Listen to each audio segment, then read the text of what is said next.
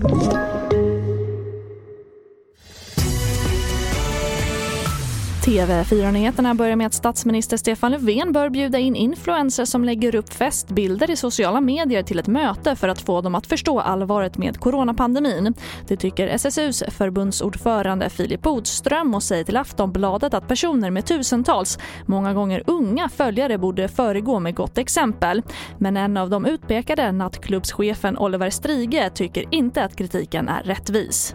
Det är klart jag finner mig i att jag har eh pushat folk till att gå ut, men det är så det blir när man inte får rimligt stöd av regeringen, vi som nattklubbsagerare. Ehm, vi måste ha öppet för att kunna betala hyrorna och vi har haft rätt och haft öppet. Restriktionerna har sagt att vi har fått öppet och det har vi gjort enligt de restriktioner och rekommendationer vi har fått. Ehm, och sen att den kritiken kommer till oss då från Socialdemokraternas ungdomssektion, det känns ju märkligt när det är deras regering, deras statsminister som har satt de här restriktionerna.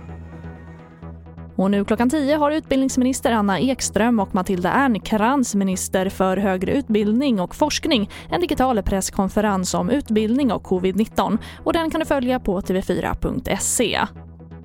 Och jag avslutar med att berätta att nästa år blir det dyrare att skicka post. Portot för brev upp till 50 gram höjs med en krona från 11 till 12 kronor.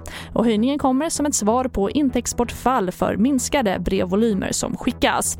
TV4-nyheterna, jag heter Charlotte Hemgren.